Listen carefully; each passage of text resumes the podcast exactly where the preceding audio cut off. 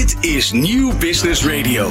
Zo, dan zijn we dan eh, eindelijk. We kijken daar weer een jaar naar uit. We hebben Nou. natuurlijk in coronatijd een soort van tussenpauze gehad. Maar het is weer zover. De Yes. Provada, de grootste vastgoedbeurs van Nederland. En wij zijn drie dagen live, Fabienne. En we zijn er gewoon weer bij. We hebben er heel veel zin in. We hebben natuurlijk eh, vorig jaar, eh, nou ja, hè, ontzettend veel mensen gesproken. Gezien wat de, de bedoeling was. Dat het eigenlijk allemaal een beetje 3D de lucht in moest gaan. Maar nu ook het thema We Can Be Heroes. Eh, ja, dat, dat zegt natuurlijk ook een hoop, hè? Eh, Zeker. de- het is een, een soort shift heeft er plaatsgevonden naar echt een stuk verantwoordelijkheidsgevoel. Wat vanuit die woonsector moet komen. Het is niet alleen maar eh, eh, nou ja, vastgoed en, en, en, en natuurlijk is geld verdienen belangrijk. Maar de wereld redden is dit jaar toch ook wel echt, eh, dat was de afgelopen jaren al. Maar is nog meer aan de hand en een thema.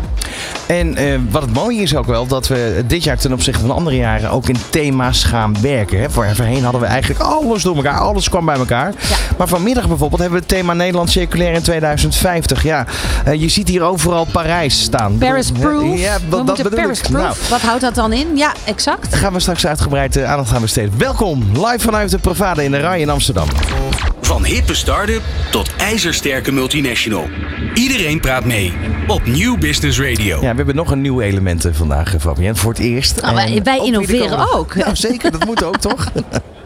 Ja, zeker. Want eh, naast mij staat Werner. Goedemiddag. Goeie, oh, nou, is, ja, het is goedemiddag inmiddels. Ja.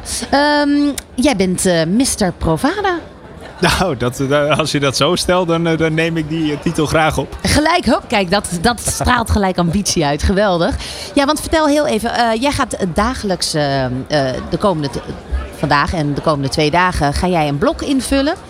Klopt, ik ga op zoek naar impacthelden. Hè. We hebben het natuurlijk over het thema We Can Be Heroes. En dat is hoog nodig, want we worden geconfronteerd met, met crisis. eh, klimaatuitdaging, biodiversiteit, maar ook gewoon een wooncrisis. En daar hebben we natuurlijk helden voor nodig die dat gaan oplossen. Ja, de sector wil het eindelijk ook echt toegeven. We hebben een crisis. Minister De Jonge overigens ook. Die wilde wil het nu ook eindelijk Nou, ik heb hem toegeven. vanmorgen natuurlijk gehoord. eh, Een dipje, eh, hè? Ze heeft hij het Hij eigenlijk heeft ook. vanmorgen hier de Provada geopend. Ik heb hem natuurlijk eh, vooral horen zeggen: eh, alsjeblieft, blijf bouwen. Ja, blijf bouwen. Ja. Ehm, Werner, jij, jij bent over de, over de beurs al eh, heen gelopen. Je hebt, je hebt daar nog meer gezien, toch? Over de- Klopt, ja. Ik heb eh, over- Hugo de Jonge ook eh, gezien. eh, die werd ondervraagd door Jort Kelder. En inderdaad, we hebben het over de klimaatcrisis en biodiversiteit heel belangrijk. Maar wat ik wel eh, merkte is dat Hugo de Jonge toch nog wel fors aan de tand werd gevoeld. Of er nou nog wel een verdienmodel voor die bouwers en die projectontwikkelaars overblijft. Dus die, die financiële bottomline die is nog steeds wel dominant hoor. Ook op Provada. oké. En wat was daarop zijn antwoord? Hij zei dat we en-en moeten doen. En dat is natuurlijk ook het logische antwoord van de minister. Eh, je wil natuurlijk aan de ene kant die duurzaamheid eh, verder brengen met biobased bouwen. Waar hij natuurlijk ook beleid voor heeft ge- gemaakt. Maar tegelijkertijd ontvangt hij ook bakken met kritiek. Omdat ja, dat investeringsklimaat en, en eh, de, de, het rendabele van huurwoningen bijvoorbeeld achteruit gaat vanwege de, de, het beleid dat hij natuurlijk doorvoert. Dus ja, het, zijn nog wel, het is nog wel een beetje een conflicteer- eh, conflict hier op Provada. Ja, precies. Maar jij, jij hebt de taak om op zoek te gaan naar de helden. Dus de mensen die daar het verschil in gaan maken. Ik zoek de pioniers inderdaad. Ja. De pioniers ga jij. Oké. Nou, eh, daar wensen we jij natuurlijk heel veel succes mee. Er zijn ontzettend veel innovaties, ongetwijfeld ook weer terug te vinden op de beurs. Zullen wij ook eh, met de wandelzender, hè, Ron, gaan we gewoon weer op zoek ja. naar dat soort leuke nieuwe nou ja, innovaties. Ook op het gebied van materialen en bouwen. En nou ja, de hele visie van, eh, van, eh, van projecten. Ik ga plaatsmaken voor Werner en zijn gasten. Ik zou zeggen, heel veel plezier. Perfect, dankjewel. Ja, want dit is dus het eerste eh, blokje van het programma Impact Helden. Waarbij we dus op zoek gaan en eh, eh, een platform geven aan de helden van de, eh, van de bouwsector. Die de dwarsdenkers eigenlijk, die impact integreren in de kern van de besluitvorming. En ervoor zorgen dat die vastgoedsector een stuk duurzamer wordt. En we trappen vandaag af met het proeven van de toekomst. We hebben namelijk de, de helden van Provada Future bij ons. Die ons mee gaan nemen in de waarde van circulaire materialen. En daarvoor zijn bij mij aanwezig. Allereerst Hans Hamming, architect bij Architectency. Goedemiddag. Goedemiddag. En Martijn Veerman, specialist circulaire gevels eh, van het product Siskin. En werkzaam voor Alcondor. Dat klopt inderdaad. En tenslotte Iris Kampers, ESG en Sustainability Lead bij Savills. Yes, helemaal. Kijk, fijn dat jullie er zijn. We gaan eh, het met elkaar hebben over de waarde van circulaire materialen en hoe gaan we er nou voor zorgen dat we dit gaan opschalen. En we beginnen met het tweetal stellingen. De eerste stelling. En ik wil eigenlijk alleen van jullie horen eh, eens, oneens. En dan kunnen we later in de rest van de aflevering het volledig hebben over de nuances die er ongetwijfeld in zitten. Eh, maar we beginnen bij eh, stelling 1. Circulariteit komt vooralsnog niet verder dan een paar experiment, experimenten en voorbeeldprojecten. Hans, Oneens. oneens. Eens. Martijn, kijk, dit belooft al een mooie discussie te worden. Iris, Oneens. oneens. Oké, nou, dit, eh, de- de- de- voordat we daarin gaan, de directe tweede stelling. Er is meer drang en dwang nodig om circulair bouwen op te schalen. Helemaal mee eens. Hans, eens. Martijn, Zeker ook mee eens. Iris. Eens. Kijk, oké, dus daar toch wat eensgezindheid. Eh, toch een beetje ja, een soort van Noord-Koreaanse stemming, hè? Die, die gele- maar dat is alleen maar mooi. Laten we beginnen. ehm, voordat we duiken in het stukje eh, circulair, ben ik eerst een beetje benieuwd naar jullie eigen achtergrond. We beginnen bij jou, eh, Martijn. Ehm, jullie werken bij eh, Siskin, aan het product Siskin, met eh, circulaire gevels. En daarvoor staan jullie ook op Provada Future. Neem Ja. ons mee in het concept van eh, circulaire gevels. Ja, circulaire gevels. Ehm, ja, in de samenwerking met uh, Alcondor, een gevelbouwbedrijf, en de Grote Visser, ook een gevelbouwbedrijf. En Wicona als onderdeel van Hydro hebben we eigenlijk een soort de hele keten bij elkaar. Samen hebben we een nieuw product ontwikkeld, want we kwamen er eigenlijk achter dat de huidige gevelsystemen eh, toch, toch iets misten. En dat zit heel erg in losmaakbaarheid, de grondstoffen, waar komen die vandaan, wat passen we toe. Veel te veel primair, we kunnen veel meer recyclen. Nou, en in deze keten hebben we eigenlijk voor elkaar gekregen om in ieder geval een product te maken vanuit veelal geoogste materialen. Om vervolgens dan een zo goed systeem eh, te ontwikkelen die oneindig lang mee kan gaan en hergebruikt kan, eh, kan hergebruikt worden. En de gehoogste materialen, wat moet ik daarbij voorstellen?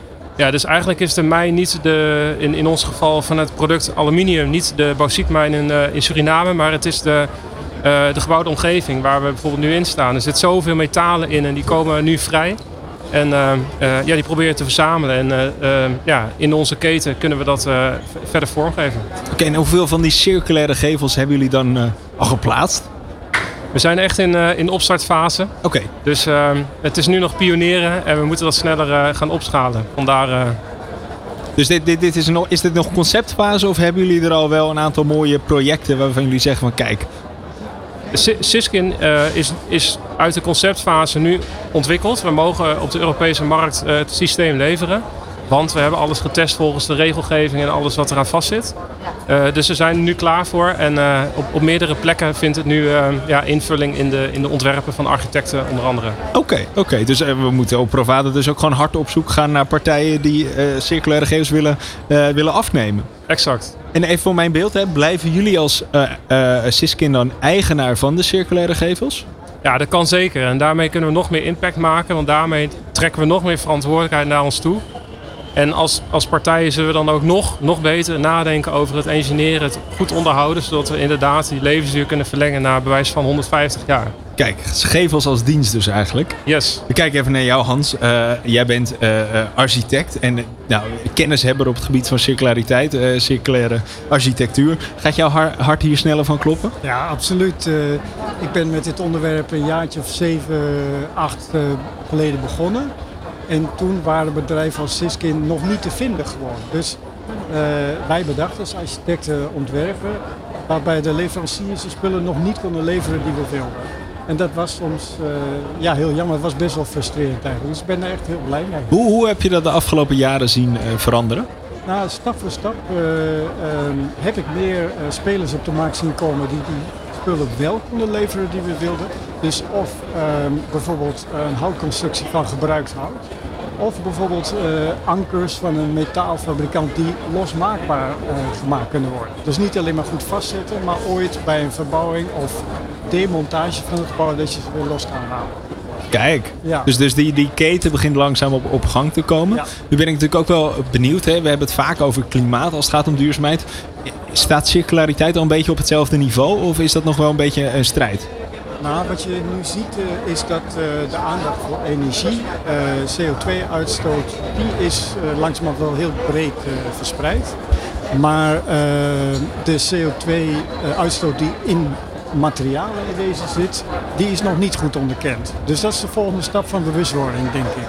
Oké, okay, dus die, dat, dat scheelt nog. Daar, daar ja. is nog gewoon een flinke stap te maken. Uh, mensen kunnen jou kennen als architect van het gebouw Circle op Amsterdam-Zuid. Eh, het circulaire paviljoen van ABN AMRO. Ja, Dat, eh, is dat een van jouw eh, meest trotse projecten? ja absoluut. Dus het deed me ook ontzettend veel pijn om te horen dat het binnenkort gedemonteerd gaat worden. Dat is echt mega jammer. Ja, dat is natuurlijk wel een, pijnlijk iets. Ja, Nou, daar kunnen we het straks over gaan hebben. ja. Ehm, nou, ik ga nu door naar jou, Iris. Jij bent ehm, ESG en Sustainability Lead bij Sevels. Ehm, maar, en dat is misschien wel leuk om te benoemen, jij bent van origine ecoloog. Ja, dat klopt. Hoe, hoe was dat om dan eh, te gaan starten binnen de bouwsector? Word je dan warm ontvangen of moet je je invechten? Ehm, nou ja, in eerste instantie is het inderdaad, kijken mensen je toch een beetje gek aan. Wat komt zij doen? Ehm, en wat wordt er nu van ons verwacht? Hè? Het is heel erg ook een verwachtingsdingetje. Ehm, mensen verwachten dan dat je ineens wil dat ze heel anders gaan bouwen of niet meer gaan bouwen. Of ehm, dat ze ehm, nou ja, een bepaalde business case aangaan die voor hen niet eh, interessant is. En nou ja, dat is, eh, dat is, inmiddels hebben we een redelijke brug gebouwd. Ik denk ook dat dat onze rol is als adviseur. Om juist eh, te laten zien dat er een hele mooie business case is. En om te kijken naar waar breng je nou op de juiste manier investeerders, gebruikers, bouwers bij elkaar. Om juist verder te komen op deze thema's. En ook door mijn achtergrond kan ik ze misschien ook wat breder adviseren. En kunnen wij ze als bedrijf wat breder bijstaan. Dan alleen maar te kijken naar, goh, ik moet iets met mijn energie. En ik wil een lager label. Hoe doe ik dat eigenlijk? Want hoe helpen jullie bedrijven om ook eh, aan de slag te gaan met circulariteit?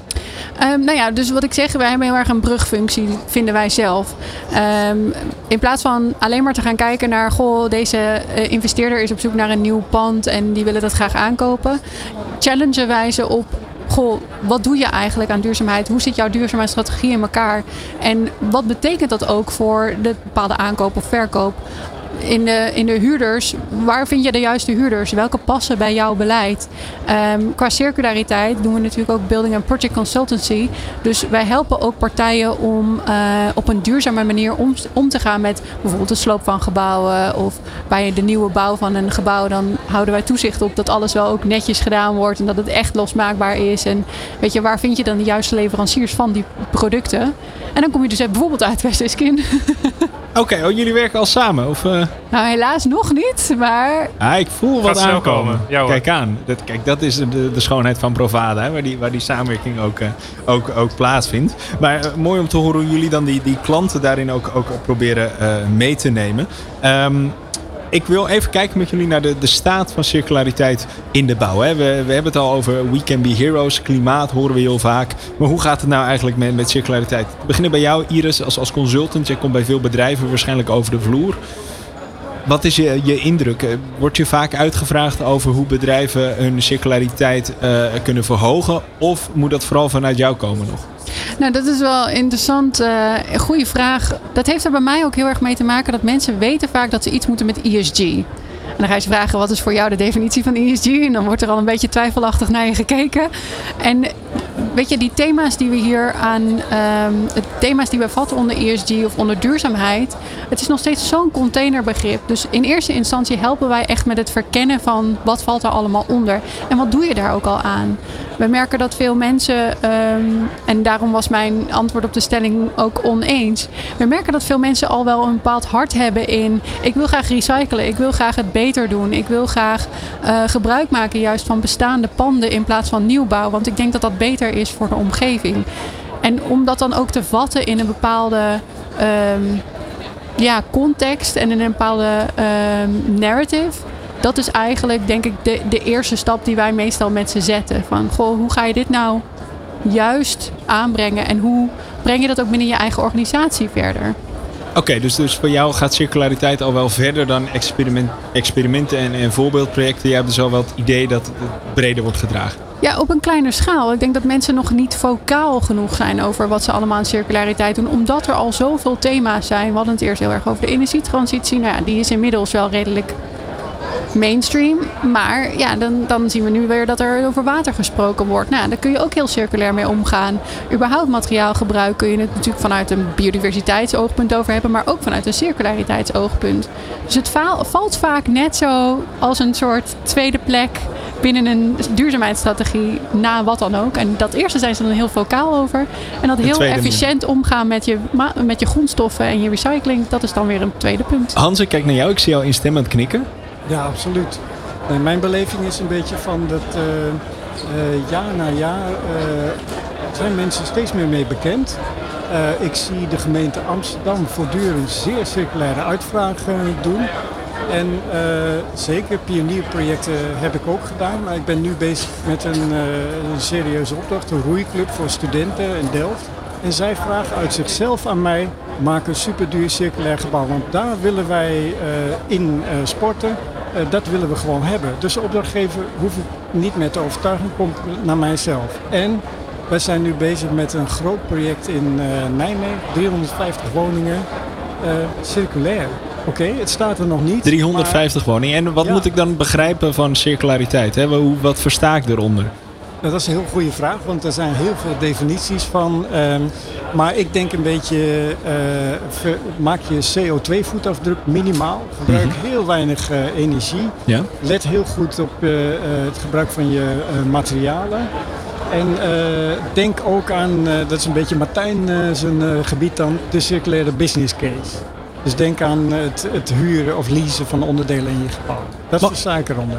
Mag ik dan toch zeggen dat jullie toch een tikkeltje optimistisch klinken over de bouwsector? Ik bedoel, we worden geconfronteerd met een grote klimaatcrisis. We worden geconfronteerd met uh, biodiversiteitsafbraak. Uh, dat holt achteruit. We hebben het nu de, de, de droogte buiten. Hè. Wij zitten lekker verkoeld binnen, maar het heeft al zes weken nauwelijks geregend in Nederland. Uh, dus, dus het water staat ons aan de lippen. En als we kijken naar de cijfers, ik bedoel, wat is het? 8% van ons bouwmateriaal wordt slechts hergebruikt bij nieuwe woningen en het gros eigenlijk belandt onder de weg. Daarnaast ook bijvoorbeeld een rapport van Circle Economy. De afgelopen jaren is het materiaalgebruik in de bouw nauwelijks naar beneden gegaan. Dus kunnen we dan echt stellen dat die circulaire economie de, de, de aandacht krijgt die het, ver, die het vraagt? Nou, Ben, aan de ene kant architecten zijn chronisch optimistisch. Dus ja, het gaat heel goed. Het zit in jouw genen. Ja, maar je hebt wel helemaal gelijk. Het moet nog veel beter. Het begin is gemaakt. Het begin een klein beetje op te schalen. Maar hup, hoge versnelling. Kijk, want eh, Martijn, jij zei inderdaad dat um, circulariteit nog niet echt veel verder komt dan een aantal experimentjes en voorbeeldprojecten. Nee, inderdaad. Ik, hoe ik het zie is, er zijn heel veel technische oplossingen, diensten, uh, mensen die heel druk zijn met, met circulariteit als, als soort van kennisvak. Hè? Maar echt de daadwerkelijke implementatie en dan grootschalig, hè? natuurlijk klein, er zijn projecten, niet meer projectjes. Maar echt die opschaling vraagt om veel meer um, uh, groot te denken. Maar ook die, die circulaire economie is niet een trend die weer overwaait. Nee, het is echt een nieuwe economie die we met elkaar opzetten. En daar zie ik nog heel weinig uh, tekenen van. De bouwsector die gaat nu een beetje naar een soort kantel, uh, of soort, begint te wankelen, laat ik het zo zeggen. Ik denk dat volgend jaar gaan we daar best wel wat van meemaken. Hè. Projecten die nu op stop staan, die gaan, daar gaan we volgend jaar effecten van ervaren. Men grijpt nu weer vast op, op de processen die we al zeg maar, uh, uh, 100 jaar kennen. Um, in plaats van dat we nu zeggen, nou misschien is dan nu het moment dat we omslaan en die keten gewoon uh, ondersteboven zetten. De waardepartijen naar voren uh, heel anders gaan denken. Hoe, hoe, ziet die, die nieuwe bouweconomie eruit als het aan jou ligt? Nou, ik, ik denk dat de, uh, ja, dat is spreken voor eigen parochie lijkt het zo, maar ik, um, toch vind ik dat echt. De maakbedrijven krijgen een hele belangrijke rol. Die moeten gaan borgen dat de grondstoffen die zij leveren ook weer terugkomen. En dat vraagt een heel andere manier van ontwerpen. Dus ik denk dat hè, Hans uh, uh, op een heel andere manier gaat ontwerpen. Wij leveren Lego-blokjes, de kaders waarbinnen uh, gebouwen ontworpen kan worden. En misschien ja, vraagt dat wel een andere manier van architectuur. Maar het is wel nodig om die verantwoordelijkheid naar ons toe te gaan trekken. Om die economie waar te maken. En als ik kijk naar jou, uh, Iris, hoe, probeerde, probeer jij vanuit jouw rol die, die nieuwe circulaire bouweconomie al vorm te geven, die organisatie ervan? Want dat gaat natuurlijk over heel veel verschillende assen. Ja, maar als ecoloog leer je inderdaad wel te werken met moeilijke, complexe systemen.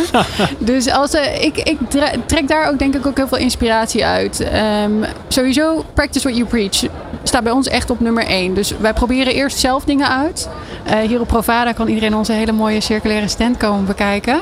Is, is uh, jullie eigen hoofdkantoor ook heel circulair? maar ons hoofdkantoor, nee, zeker nog niet. Het is echt nog wel even een stapje verder. Die staat in Londen. Daar moet ik nog wel even aan trekken. Ah. Ehm, maar de, ehm, dat is wel het startpunt. Dus wij, wij zorgen voor voldoende kennis in huis. Dan vervolgens vanuit dat, hè, dat complexe systeemdenken proberen wij dus al die stakeholders aan tafel te krijgen. En, en echt kennis te delen ook met elkaar. Weet je, we moeten een beetje af van dat heel erg, ik hou het bij mezelf en ik, ik, weet je, ik hou alle kennis bij me.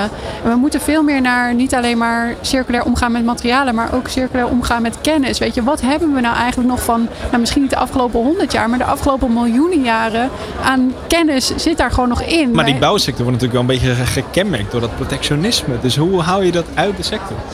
Ik denk dat ehm, het er misschien wel een beetje uitgaat als je de juiste vragen stelt. En ook bereid bent om zelf je aandeel te leveren. Eh, onze taxatieafdeling is een goed voorbeeld. Kijk, taxateurs van, van huis uit worden opgeleid om te kijken in, de, in het verleden en te kijken, oké, wat kan ik dan vinden aan materiaal, aan data die ondersteunt wat de waarde van dit gebouw zou moeten zijn. En onze taxatieafdeling heeft juist gezegd, wij gaan daarvan afstappen. Tuurlijk doen we dat nog, maar wij vinden deze transitie zo belangrijk dat we ook gaan proberen om een waarde toe te kennen aan een leaselift of weet je, circulaire gevels en een, eh, een, een groen dak. Omdat als we het niet nu proberen en als we niet durven te speculeren daarover, ja, dan, dan komen we er inderdaad niet. En is er al een mooi voorbeeld waar dat wordt gedaan? Of is dit nog echt in de kinderschoen? Nee, er zijn al wel voorbeelden waar dat wordt gedaan. Eh, wij doen voor een aantal van onze vaste klanten leveren wij alvast een ESG-scan. Daar krijgen we nu dan dus. Dat is dus ook weer zo'n voorbeeld. Wij zijn niet. ehm, wij pretenderen niet alle wijsheid al in pacht te hebben. We hebben gezegd, we, we leveren dat nu. We gaan daarover met jullie in gesprek. En we krijgen nu dus van bijvoorbeeld een bouwinvest. Krijgen we heel veel feedback over. Goh, maar dit interpreteer je eigenlijk heel gek voor ons. Dat werkt voor ons niet zo goed. Dus kun je dat aanpassen. En die ongem- dat ongemak eigenlijk van... oké, ik weet het nog niet helemaal, maar we gaan het gewoon proberen. En dan komen we, krijgen we vanzelf samen komen we verder. Dat is denk ik een belangrijk onderdeel in die waarde. La- Langs kunnen we dus die, die, die circulaire materialen ook gaan, goed gaan waarderen. Ik ben nog even benieuwd, eh, Hans, jij bent een van de pioniers geweest op het gebied van circulariteit. Wat is het, de weerstand waar je doorheen moest toen je bijvoorbeeld on- Circle ontwikkelde? Ehm, dat zijn ja, best wel veel voorbeelden die ik op kan, eh, op kan noemen. Maar, Ik hang aan je lippen. Oké, dank. Kijk, het eerste is wel eh, wat Iris ook aanstipt, eh, gebrek aan kennis. Dus bij de bouw van Circle merkte ik bijvoorbeeld elke keer als leverancier of nieuwe groep bouwvakkers bij betrokken kwam. Die moesten twee weken wennen aan de andere manier van denken. Bijvoorbeeld bouwvakkers die spoten met verf merktekens op de muren. En toen zei de toezichthouders, wacht even, deze muren zijn al af. Die verftekens, dat mag je gewoon niet meer doen. Maar toen ze het eenmaal door hadden, gingen ze die muren des te beter beschermen. Dat vond ik echt ontroerend. Dat vond ik echt Mooi. mooi. Dus kennis, Dat is één. eh, dat is één. En ook het nadenken over van je ontwerpt iets en je bouwt iets om nu in elkaar te zetten. Maar je moet dan nadenken voor het afbreken. Daar moet je al over nadenken. Dat is heel gek om, om daarmee bezig te zijn. Dus dat is ook heel erg iets om, eh, om aan te wennen. Die losmaakbaarheid, zeg maar. Dat zijn even twee voorbeelden die, die me zo te binnen schieten. Kijk, dus het gaat ook echt om die, die mindset shift. Ja, totaal. Dan wil ik nog even met jullie terug naar de, de tweede stelling die we presenteerden. Namelijk over dat er meer drang en dwang nodig is om circulair bouwen op te schalen. Kijk even naar jou, eh, Martijn. Eh, jij was daar hardgrondig mee eens. Ja, al is er al best wel wat drang eh, aan het aankomen. Hè. Als je kijkt wat er uit Europa aan... Zoals? De EU-taxonomy die gaat eh, serieus wel eh, eh, richtlijnen stellen waar iedereen aan moet voldoen. Moeten Eh, eigenlijk wel. Ja. Precies. De, de, de, de tax op, op CO2, eh, in- ingesloten CO2 in je producten, die gaat er aankomen. Die gaat In de MPG wordt het... Ja, de, E- of de ETS geloof ik, Oh, ja. hangt dat dan weer samen. Ehm, dus dat, dus dat zijn dingen die, die eraan gaan komen. Maar er, kan natuurlijk nog veel meer gebeuren. Stel normen aan die losmaakbaarheid bijvoorbeeld. Hè. Als, je dat doet, dan, ehm, dan creëer je ook dat al die technische oplossingen eh, volwassen kunnen gaan worden. Als ze dat nog niet zijn. Eh, toepasbaar worden, in grotere schaal gemaakt kunnen worden. Daardoor prijstechnisch interessanter kunnen, gemaakt kunnen worden.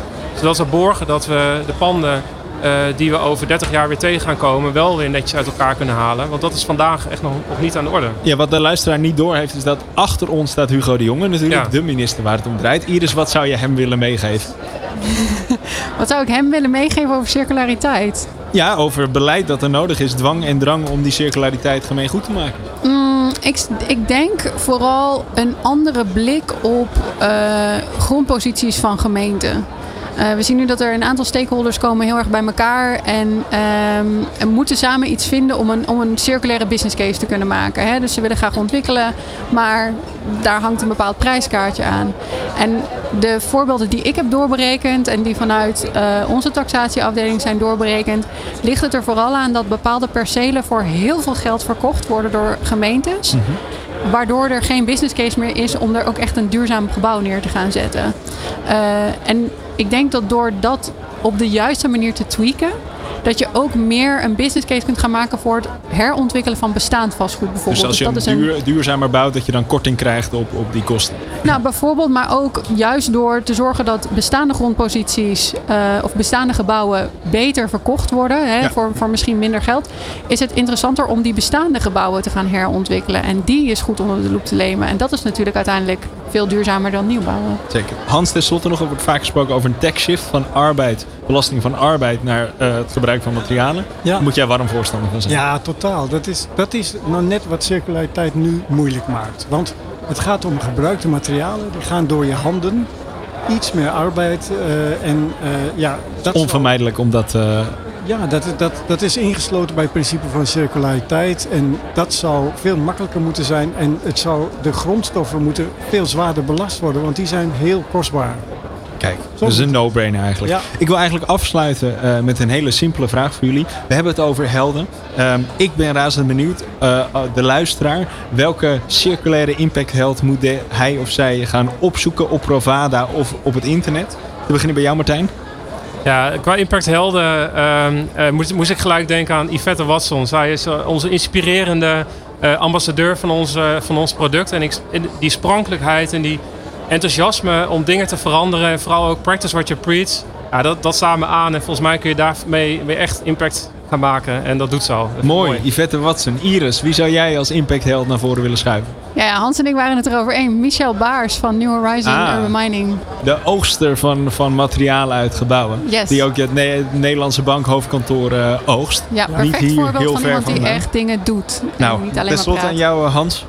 Ja, naast uh, Michel heb, had ik in gedachten mijn leermeester TU Delft, Andy van de Dobbelsteen. Andy van de ik Dobbelsteen. Ik heb ooit les van hem gehad. Wow. En bij het begin van Circle hebben we met hem gebrainstormd over hoe ontwerpen we in hemelsnaam met circulaire uitgangspunten. We hadden geen idee, maar hij heeft ons enorm op gang geholpen.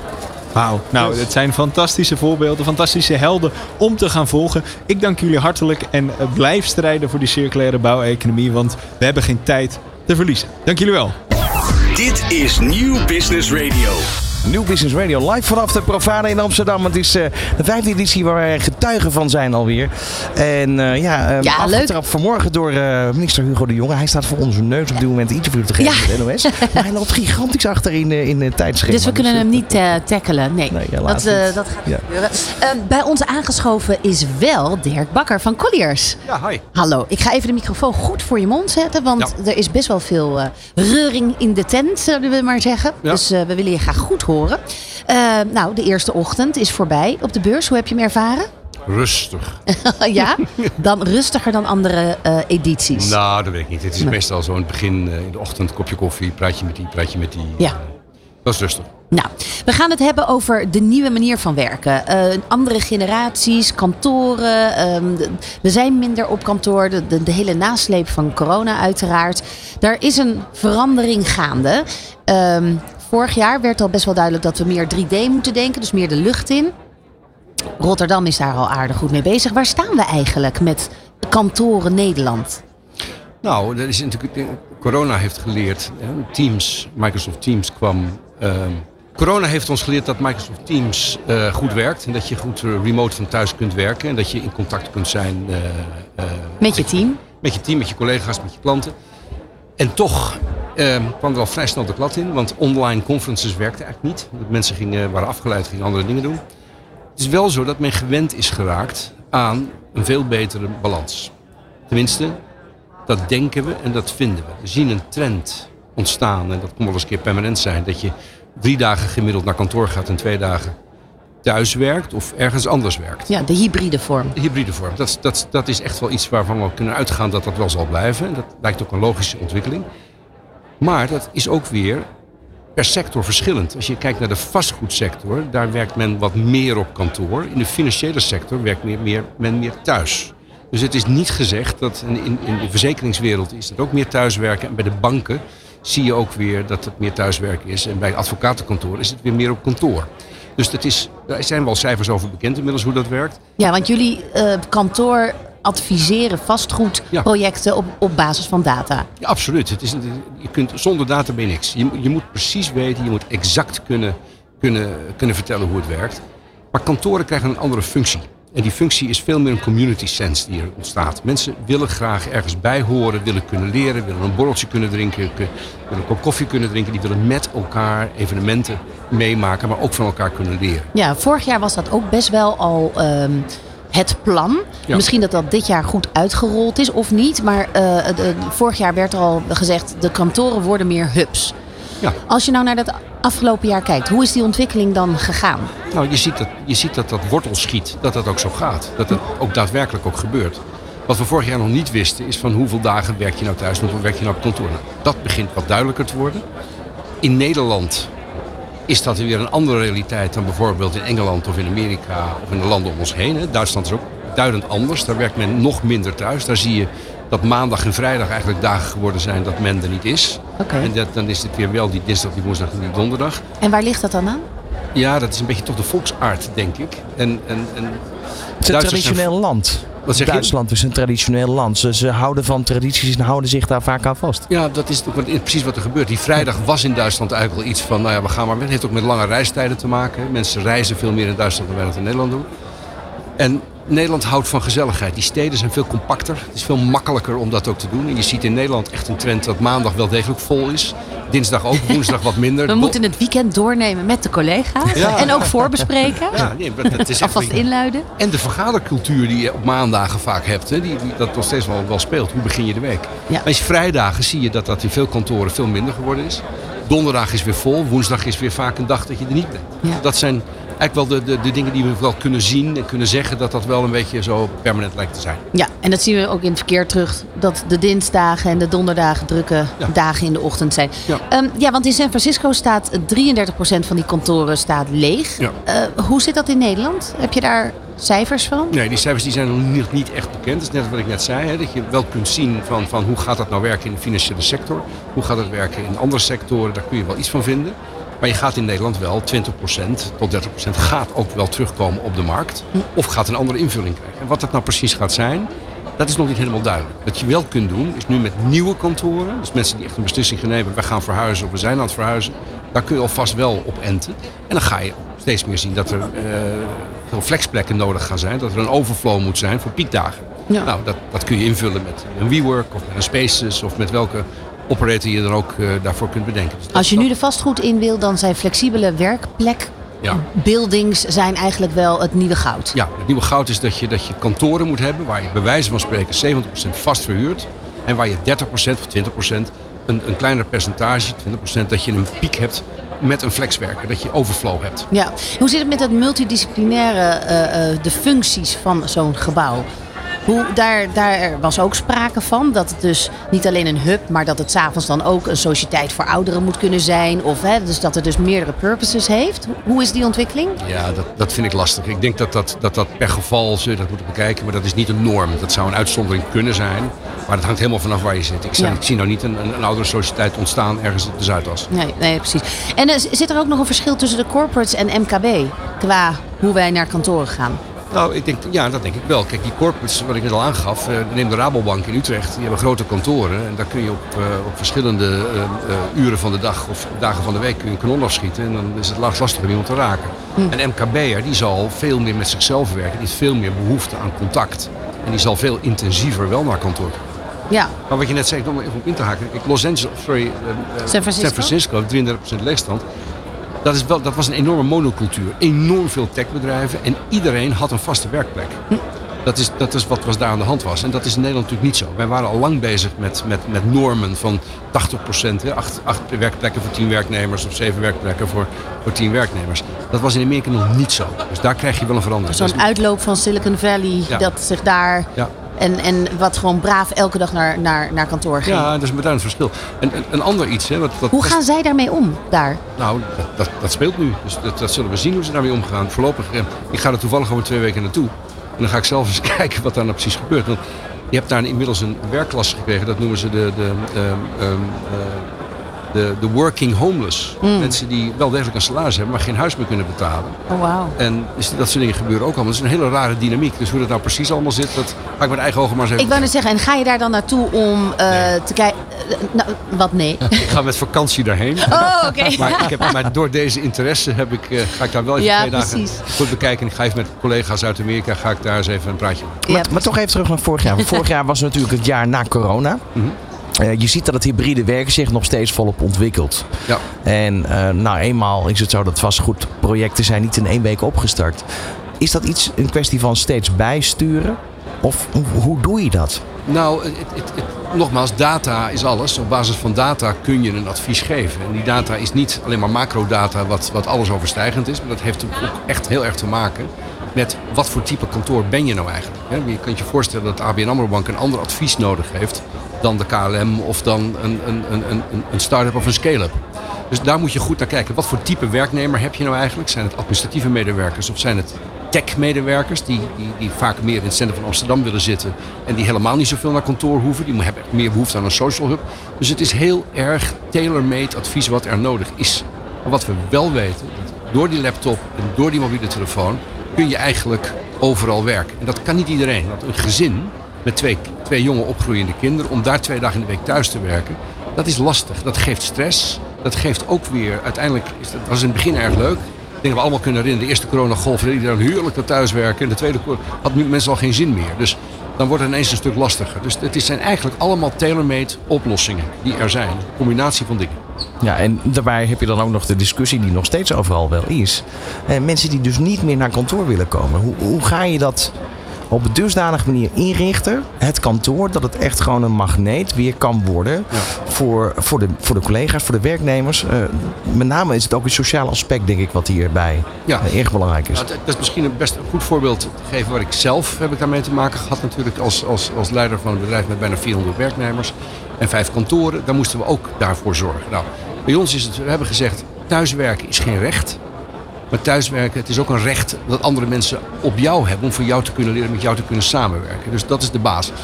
Vervolgens hebben al onze kantoren hebben een bar. Daar hebben wij voor gekozen. En hebben we diners en hebben we allerlei eh, klanten die we uitnodigen of, of experts die we uitnodigen die een verhaal komen houden. Zodat er iets is wat je kunt halen op kantoor. Je kunt iets leren op Precies. kantoor. Ja. Maar dat is dus wel een nieuwe taak ook van de werkgever. Ja. Dat je ook inspirerend blijft. Absoluut. Als je dat niet doet, dan heb je echt een probleem. Ja. Want dan haken mensen echt af. Mensen, de, mensen die echt niet meer naar kantoor willen, die vallen vanzelf af. Die leren niet meer. Je kunt niet online leren, want het sociale leren, IQ en EQ zal ik maar zeggen, dat moet in balans zijn. Ja, en de groepsdynamiek. Zie, zie je daar ook nog ehm, duidelijke verschillen in de generatie? Ik denk dat ik het antwoord wel weet, maar ik kan me wel voorstellen dat je daar ergens een bindende factor moet zijn als werkgever tussen de generaties. De jonge generatie die is eigenlijk opgegroeid met eh, vaak ook het In hybride werkmodel. ja, en i- isolement met precies. je eigen scherm. Nou, dat, ja, het antwoord is ja. Daar, daar heb je wel degelijk een functie in te vervullen. Want als je, dus eigenlijk als je het even eh, wat abstracter maakt en je zegt je hebt met Gen Z te maken en met eh, de babyboomers, zal ik maar zeggen, om twee extremen te noemen. Die babyboomers die waren van huisje, boompje, beestje. Kopen, kopen, bezit en, en sparen en geld overgeven aan je kinderen. Maar de kinderen, de Gen Z van nu, heeft niet meer het, het verdienvermogen. Of het, het koopvermogen, zal ik maar zeggen. Om het, om het, die hebben het slechter dan hun ouders het ooit hadden. En dat is een groot verschil. Vandaar dat je de swapfiets ziet dat mensen. Nou, en meer een gebruikscultuur van wanneer je het nodig hebt. Het bezit is niet meer nodig. Nee, bezit is niet meer nodig. Dus je gaat hele andere beslissingen nemen. Dus dat heeft ook te maken met die experts die je zoekt op kantoor. Ze willen wel degelijk leren, ze willen heel veel leren. Maar ze bepalen zelf wel hoeveel uur ze werken. En een inspiratiesessie, sprekers, eh, experts uit het vak. Dat Ja. zijn de magnets waar, eh waar Ron zeg maar, naar zocht. Ja. Eh, Juist. Even, even iets anders. want er zijn dus het ziekenhuis vastgoed. Hè. Er zijn best wel veel ziekenhuizen die ook de panden leeg staan. Daar zijn grote veranderingen in. Daar heb ik geen verstand van. Oké. en, wat, Ik ben hoe, nog nooit in een ziekenhuis geweest. en hoe zit het met, met, met de handhaving van de, van de, eh, de label C? Verplichtingen binnen, binnen kantoren. Nou, dat, dat, is natuurlijk, dat is natuurlijk critical. Je hebt de SFDR-regulering die er, die er is, die, die een uitvloeisel is van de taxonomie, waar we inmiddels niet gaat komen. Dat is er gewoon. Je, per 1 januari vorig jaar moet je op je balance sheet moet je vertellen wat je nou eigenlijk doet aan die verduurzaming. Doe je dat niet, dan word je keihard gestraft. Dus dat is een, een, een, een issue. Label C is één ding, maar je hebt, je hebt te maken eigenlijk met artikel 6. Dat wat de basis is naar artikel 8, artikel 9 in de SFDR-regulatie. Dat is eigenlijk veel belangrijker. Ja. Het gaat niet meer alleen om duurzaamheid. Het gaat om meer dan dat. Het gaat om E, N, S en G. De social en de governance situatie. Precies. Dus op welke, wat is jouw tip ehm, om, een, even in het kader van het eh, thema, eh, om een hero te worden als het gaat om, eh, nou ja, kantoren? Nou, ik had, ik had Hein Wegdam niet zo lang geleden bij mij op kantoor. En die vroeg ik dezelfde vraag die je mij nu stelde. Die had het over de regelgeving. Dat vond hij eigenlijk voor achterblijvers. Want hij vond dat je vindt dat je eigenlijk altijd heroes moet zijn. Je moet voorop lopen. En eh, eigenlijk zie je dus ook dat de sector, de vastgoedsector, als we hier zitten op de Provada, die loopt erg voorop. Dat, is echt, er zijn veel meer mensen die voorop lopen dan die achterlopen. En de regelgeving kan eigenlijk de snelheid niet bijhouden. Die is, is een soort wet van de remmende voorsprong die aan de gang is. Wat je moet doen om een hero te zijn, is te zeggen: Oké, ik maak een plan. Ik kies 2030 of een andere datum. En bij die datum wil ik een bepaald doel gehaald hebben. En dan ga je kijken: wat is mijn uitstoot nu per FTE? Wat is mijn uitstoot per kantoor? En wat ga ik daar nou daadwerkelijk aan doen? En hoe ga ik erover publiceren om die doelstelling te halen? Dat moet je gewoon doen. Ja. Ja, maar daar, zijn inderdaad, daar zit een gap tussen die regelgeving en de plannen. Ja. En de vooruitstrevendheid en de innovaties die er al zijn. eh, eh, en die brug moet dus eigenlijk nog gebouwd dus de- worden. De hoeveelheid regels die er zijn in Nederland, en al die kabinetten en vandaag ook Hugo de Jong en al die sessies, allemaal samenwerken samen. Het is geen samenwerking. Er wordt helemaal niet samengewerkt. Dat willen we wel graag, maar de regelgeving houdt samenwerking concreet. Dan, dan wil ik daar toch een schepje bovenop doen. Ehm, in hoeverre kijken jullie naar het Europees beleid? Wat, wat hier op dit soort vlakken gevoerd wordt? Want uiteindelijk zijn we in Nederland heel druk met regels maken. Maar we kunnen overroeld worden door wat in Straatsburg of in Brussel bepaald gaat worden. Ja, maar dat is natuurlijk zo. Is een, die regelgeving die er is, die, daar zul je aan moeten houden. Maar binnen die regelgeving kun je ontzettend veel doen. En er zijn subregeltjes, lokale regels, die dat moeilijk maken. Die, we gaan maar niet in, denk ik, op de hele stikstofproblematiek. Daar Nee. heb ik overigens wel een sterke mening over. Maar het, het- dat, zullen we- dat is een beetje gevoelig. Maar natuurlijk, daar heb je mee te maken. Maar is, is dat eigenlijk wat, eh, eh, zonder dat we heel diep op die politiek ingaan, iets waar, waar Nederland misschien een klein beetje mag gaan temperen en eh, wat meer moet gaan kijken wat er in Europa gebeurt? Omdat uiteindelijk kunnen we hier al die regelgeving wel bedenken, maar uiteindelijk wordt het weer aangepast door het Europese beleid wat er gevormd wordt, misschien iets later dan dat we in Nederland doen. Nou, ik denk dat je minder regelgeving in Nederland moet hebben, niet meer. Ik denk dat je moet Precies. temperen en je moet gaan faciliteren. Het gaat Grote om- lijnen. Grote lijnen, maar ook financieringsmogelijkheden. Je hebt- De, kosten Ja. nemen toe, inflatie neemt toe. Dat zijn uiteindelijk allemaal factoren die het nog duurder maakt om huizen te bouwen. Ja, dan kun je wel allerlei dingen willen met goedkope eh, woningen, maar daar zit het probleem niet in. Er moet een plan liggen van hoe ga je nou een miljoen huizen bouwen en hoe ga je nou om met al die vluchtelingen. Even op basis van alle data, wat is de trend van 2023? Colliers, trend 2023? Mm, ik denk dat als, het, als ik even de rente en de ontwikkeling in de transactiemarkt maar even daar laat, dan denk ik dat dit jaar wel het jaar gaat zijn waar we gaan kiezen hoe we daadwerkelijk gaan werken samen. Dat die kantoren die gaan wel degelijk inplempen en er gaat een nieuwe manier van werken komen. Wat meer een mix is tussen eten, leven, shoppen, Ja. leren en werken. En dat wordt gewoon dan genormaliseerd. Dat wordt norm. Precies. Dank dat je hier was. Met heel veel- Dankjewel. Heel veel plezier. Dirk Bakker. Dit is New Business Radio. Ja, ik, ik wil even... Dit eerste uur het zit er alweer op, joh. Het gaat echt zo Ja, ik, rap. ik- ik zit je inderdaad aan te kijken. Alhoewel, we zitten nu ook in een nieuwe studio. Ja, en, en Werner is natuurlijk jaren. 20 minuutjes eh, in dat. gesprek geweest op zoek naar de heroes eh, van de beurs. Maar daar, in het kader daarvan, eh, er wordt elke dag ook property, eh, vanuit Property eh, NL wordt er een, een, een blad uitgegeven. En de, hoofd, of de, ja, de hoofdredacteur, directeur Wabe van Enk, die heeft daar een soort voorstukje geschreven. Dat vind ik ook een beetje ehm, ja, een soort samenvattend waar we het net over hebben gehad. Maar ook gewoon de setting van dit jaar wordt hier denk ik heel goed mee samengevat. Mag ik dat voorlezen? Nou, vooruit. Het is een klein Eh, kom stukje maar. Provada Brugge 2023. Het liet 15 miljoen mensen die moeten wonen op dat ene stukje eh, aarde. 15 miljoen? Ja, vereist een update. Het zijn er inmiddels namelijk Kijk, 18 wou miljoen. Hoe maken 25.000 mensen op dat kleine stukje RAI deze update? Het lied rept van een land vol groepen van protest. Geen chef die echt de baas is. Het protest lijkt mee te vallen. Woningzoekenden lijmen zich niet vast, maar er zijn wel veel gemeenten die geen prioriteit geven aan eh, woningontwikkeling. Ook is er, is er een chef, minister De Jonge. Maar is hij echt de baas? Een minister bouwt namelijk geen woningen. Daar heeft hij de markt voor. Daar gaat het mis. De markt zucht onder een stapeling van fiscale regels. Provada kan bruggen slaan tussen publiek en privaat. Nu nog een Haagse brug tussen volkshuisvesting en financiën. Ik vond dat een heel treffige inleiding van wat er volgens mij hier op de beurs gaat plaatsvinden. Of zou moeten plaatsvinden. Ik ben er stil van. Ja, hè? Ik vond het een goed stukje. Dankjewel. Ik ben er compleet stil van. Ja. We gaan zo lekker tweede uur in. Zeker. In de tweede uur gaan we het vooral hebben over Nederland circulair in eh, 2050. Dat doen we overigens tot aan vijf uur. Want eh, we hebben nog verschillende eh, onderwerpen Gasten. die gaan we bespreken. We gaan sowieso natuurlijk ook nog even over de beurs lopen. Want eh, Ja. er is genoeg te zien. Even kijken waar de entertainment eh, is op deze beurs. Geen schoenenpoetsers trouwens. Wel waar meer buiten. En lumpia's. Yay! Dit is Nieuw Business Radio.